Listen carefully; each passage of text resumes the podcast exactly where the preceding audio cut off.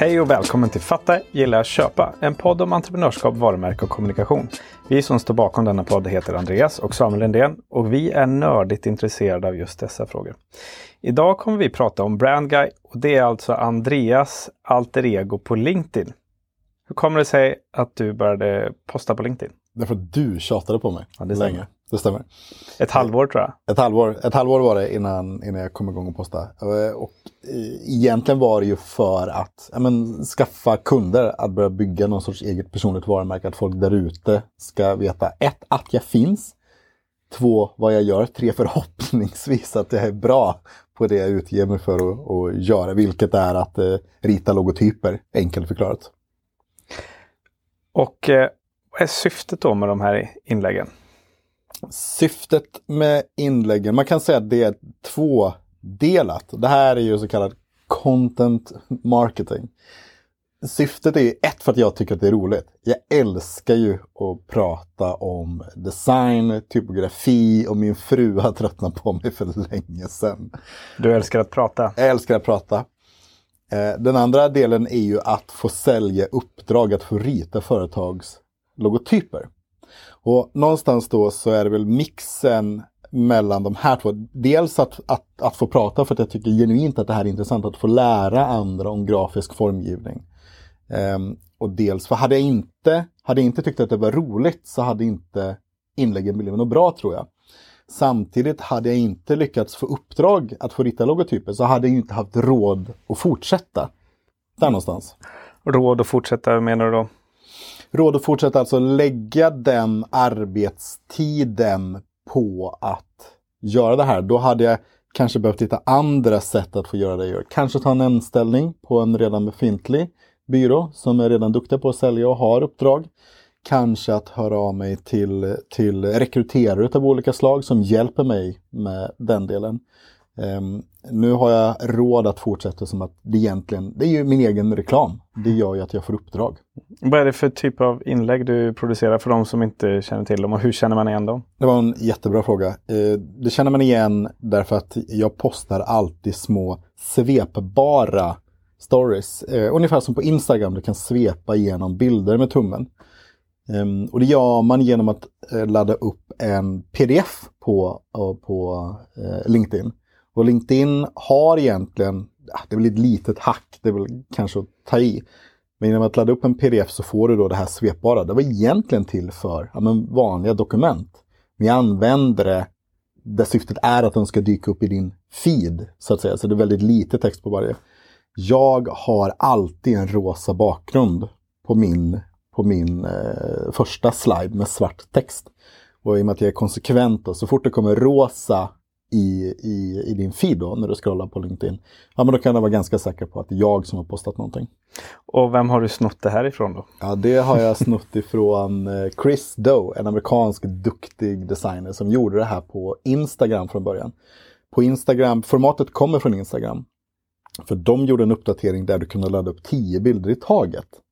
Och helt plötsligt då så börjar folk skriva text i bild. Det var det ju säkert inte tänkt för, utan det var ju för att du skulle kunna ha tio semesterbilder.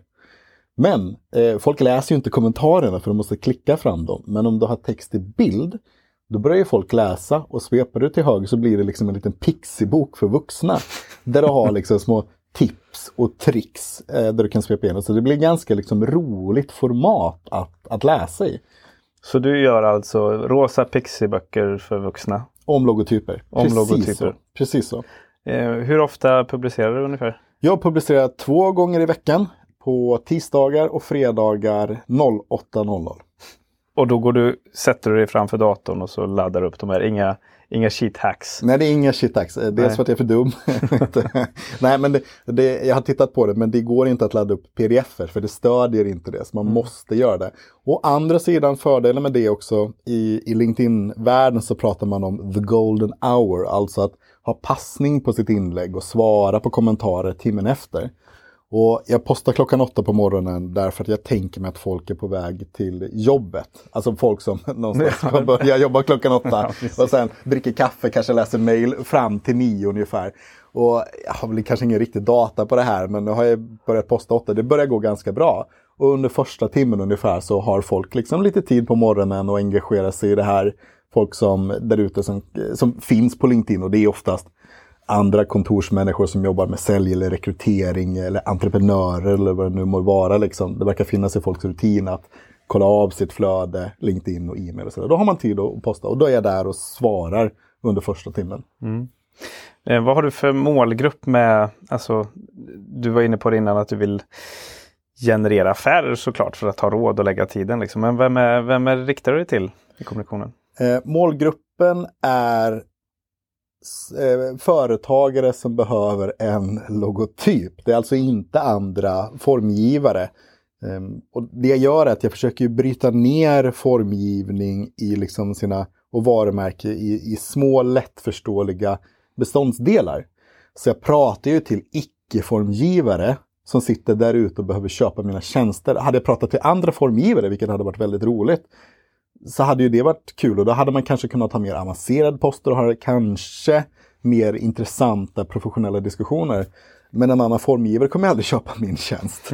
Utan jag måste ju nå de människorna som, som behöver det jag kan, att rita en grafisk identitet eller en logotyp och sådär. Så det är min, det är min målgrupp, icke-formgivare på LinkedIn. Och då kan man säga så här att jag har en väldigt, väldigt eh, bred målgrupp därför jag tror att grafisk design och logotyper, det är lite intressant för väldigt många.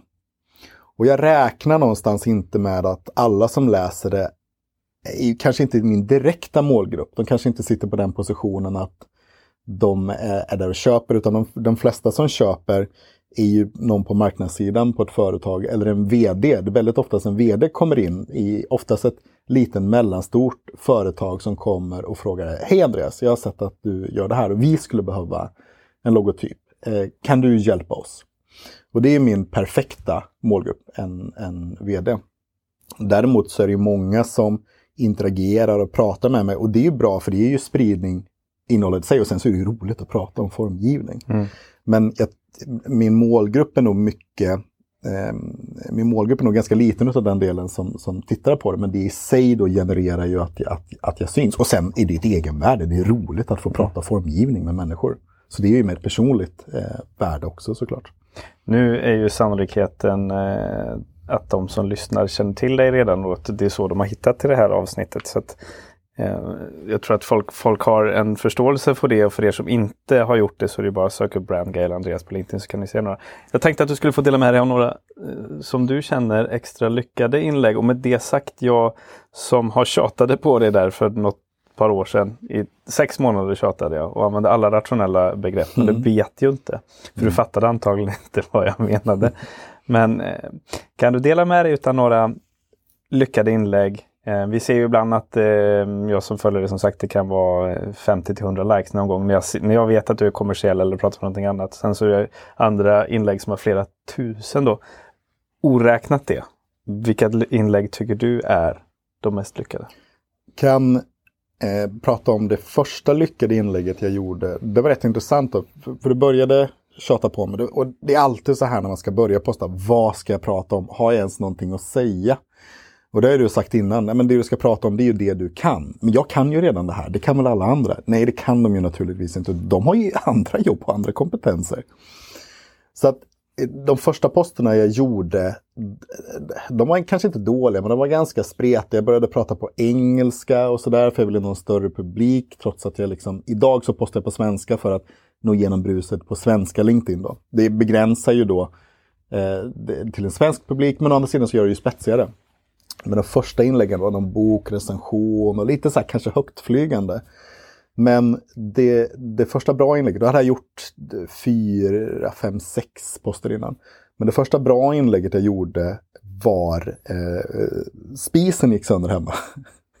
Och diskmaskinen höll på att ge upp så vi var tvungna att, att, att köpa en ny spis och en ny diskmaskin hem. Så vi hade en helg där vi mikrade all mat och handdiskade. Och då kommer den hem eh, och eh, när både spisen och diskmaskinen kommer hem så pekar jag ut den här logotypen för min fru. Kolla, det där det är Elvita eh, spis vi har och E ser ut som en sån här värmeslinga så det är jättesmart där. Och den här diskmaskinen den heter Cylinda men eh, C är egentligen ett O, men om du sätter ett Y framför så blir det ett C. Men egentligen så är C en, en cylinder. Gud vad smart, och så heter de cylinda.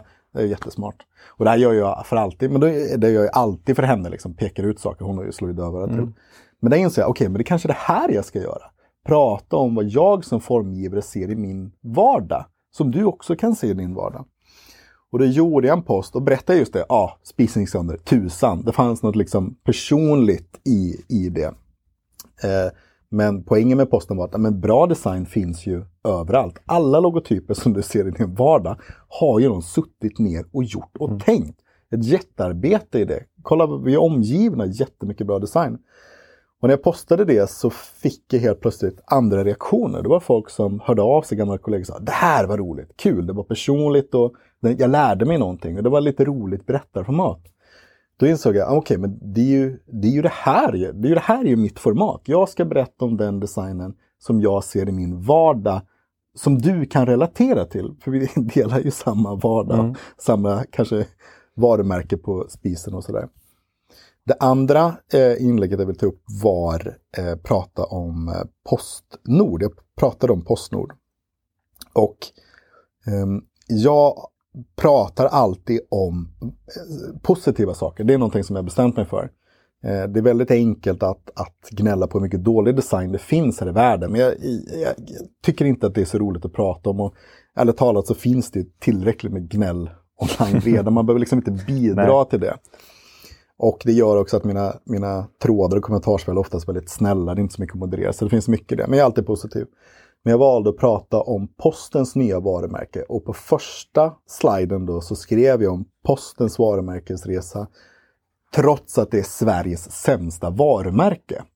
Och det var en liten twist på det då. Därför att det är ju att sparka in en öppen dörr. Postens gamla statlig myndighet. Det är många som inte tycker om. Men också många som tycker om. Eh, och trots att jag skrev att det här var Sveriges sämsta varumärke, för poängen eh, med den posten var att kolla, posten har ju gjort ett nytt varumärke. De vet att de har det tufft varumärkesmässigt. Eh, det är inte så många som tycker om dem. Men trots det så försöker de göra en jättesatsning för att vända på det här. Kolla, det är ju det här du ska titta på. Inte bara tycka posten, eller det jag ser när jag ser att de gör den här jättesatsningen. Och du kanske tycker att det är att slösa pengar, men för dem är det så här, men för att folk ska vilja använda dem som tjänst så måste de visa, vi bryr oss jättemycket om vårt varumärke och hur det ser på oss. Och den posten delade faktiskt postens VD. Han valde att dela den i sitt nätverk trots att det på första sliden säger att ditt varumärke är sämst. Men jag ser att du försöker och det uppskattar verkligen jag. Det är två poster som jag är nöjd med. Och då pratar vi om Postnord såklart. Du är helt rätt. Och du ser ju, du ser ju bara där. Mm. Alltså jag kallade ju Posten. Det var väldigt, väldigt länge sedan det hette bara Posten. Ja, visst, men det är också varumärke. Ja. För att, ja, så mycket bryr jag mig inte om Posten i mitt vardagliga liv. Jag e-mailar ju mest ibland så köper jag något. Du har rätt, det är Postnord. Till och med där, mm. brand guy. kan, kan, inte. Du, du får eh, bjuda på den. Ja. Um, jag tycker också det, vet du, jag vet att du skrev ett jättebra inlägg också om eh, Systembolagets varumärkesresa genom åren som både Bol Systembolaget per se och eh, vdn delade vidare också och mm. kommenterade kring. Och det är rätt häftigt att man får den. Det kan man verkligen säga att någonting går viralt. Många hundratusen visningar. Liksom, mm. Enorm effekt eh, som sen bygger din trovärdighet kring vad du kan om varumärke och logotyper. Och för mig som potentiell köpare av dina tjänster så är det ju en trygghet för jag förstår att du pratar med bönder på bönders vis. Och där finns det ju en, eh, en, en, en förutfattad mening, kanske sant i många avseenden, att jobba med varumärkes marknadsföringsbyråer. Det kan vara ganska tufft liksom, för dig som, som, som köpare. Liksom. Men här tar man ner det på jorden. Det är en spis. Mm. Det är vanligt hederligt liksom, men det ska slå an till ett antal saker.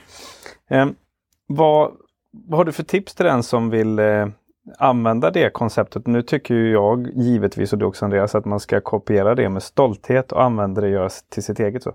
Hur lyckas man med karuseller på LinkedIn då? Eh, första tipset, håll det kort. Säg en sak, håll det kort. Och våga ut och prova eh, och, och, och öva.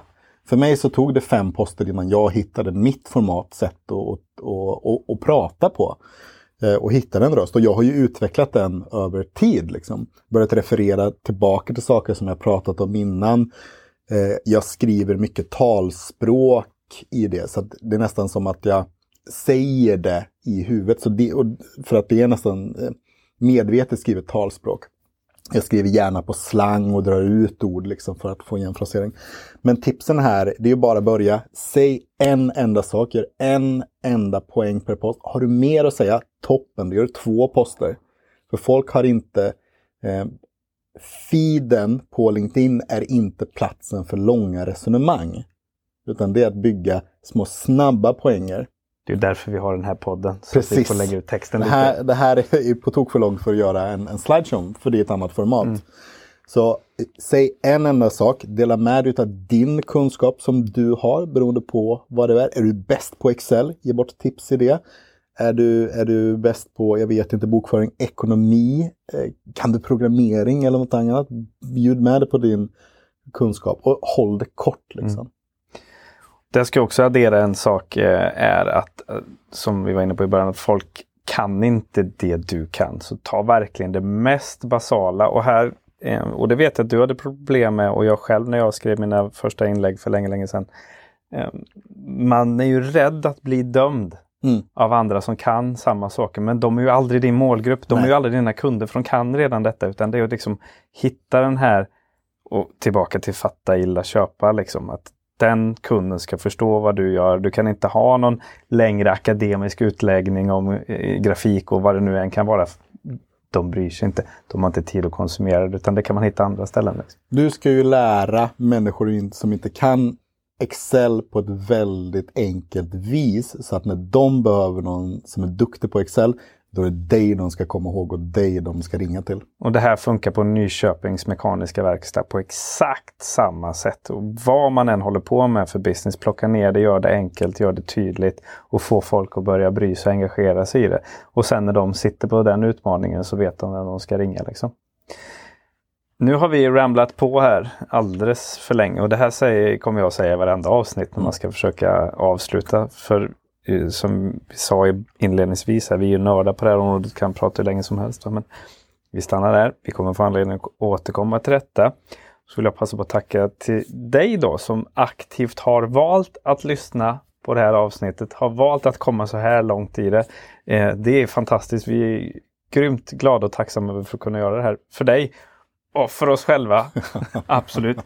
Vill du veta mer om vad vi gör tillsammans då så får du gärna spana in vår hemsida relativt.se. Eh, vill ni ha kontakt med oss så är det ju självklart så att ni skickar iväg en kontaktförfrågan på LinkedIn eh, och länkar till det finns i avsnittsbeskrivningen. Tack för att du har lyssnat. Tack så mycket. På återhörande.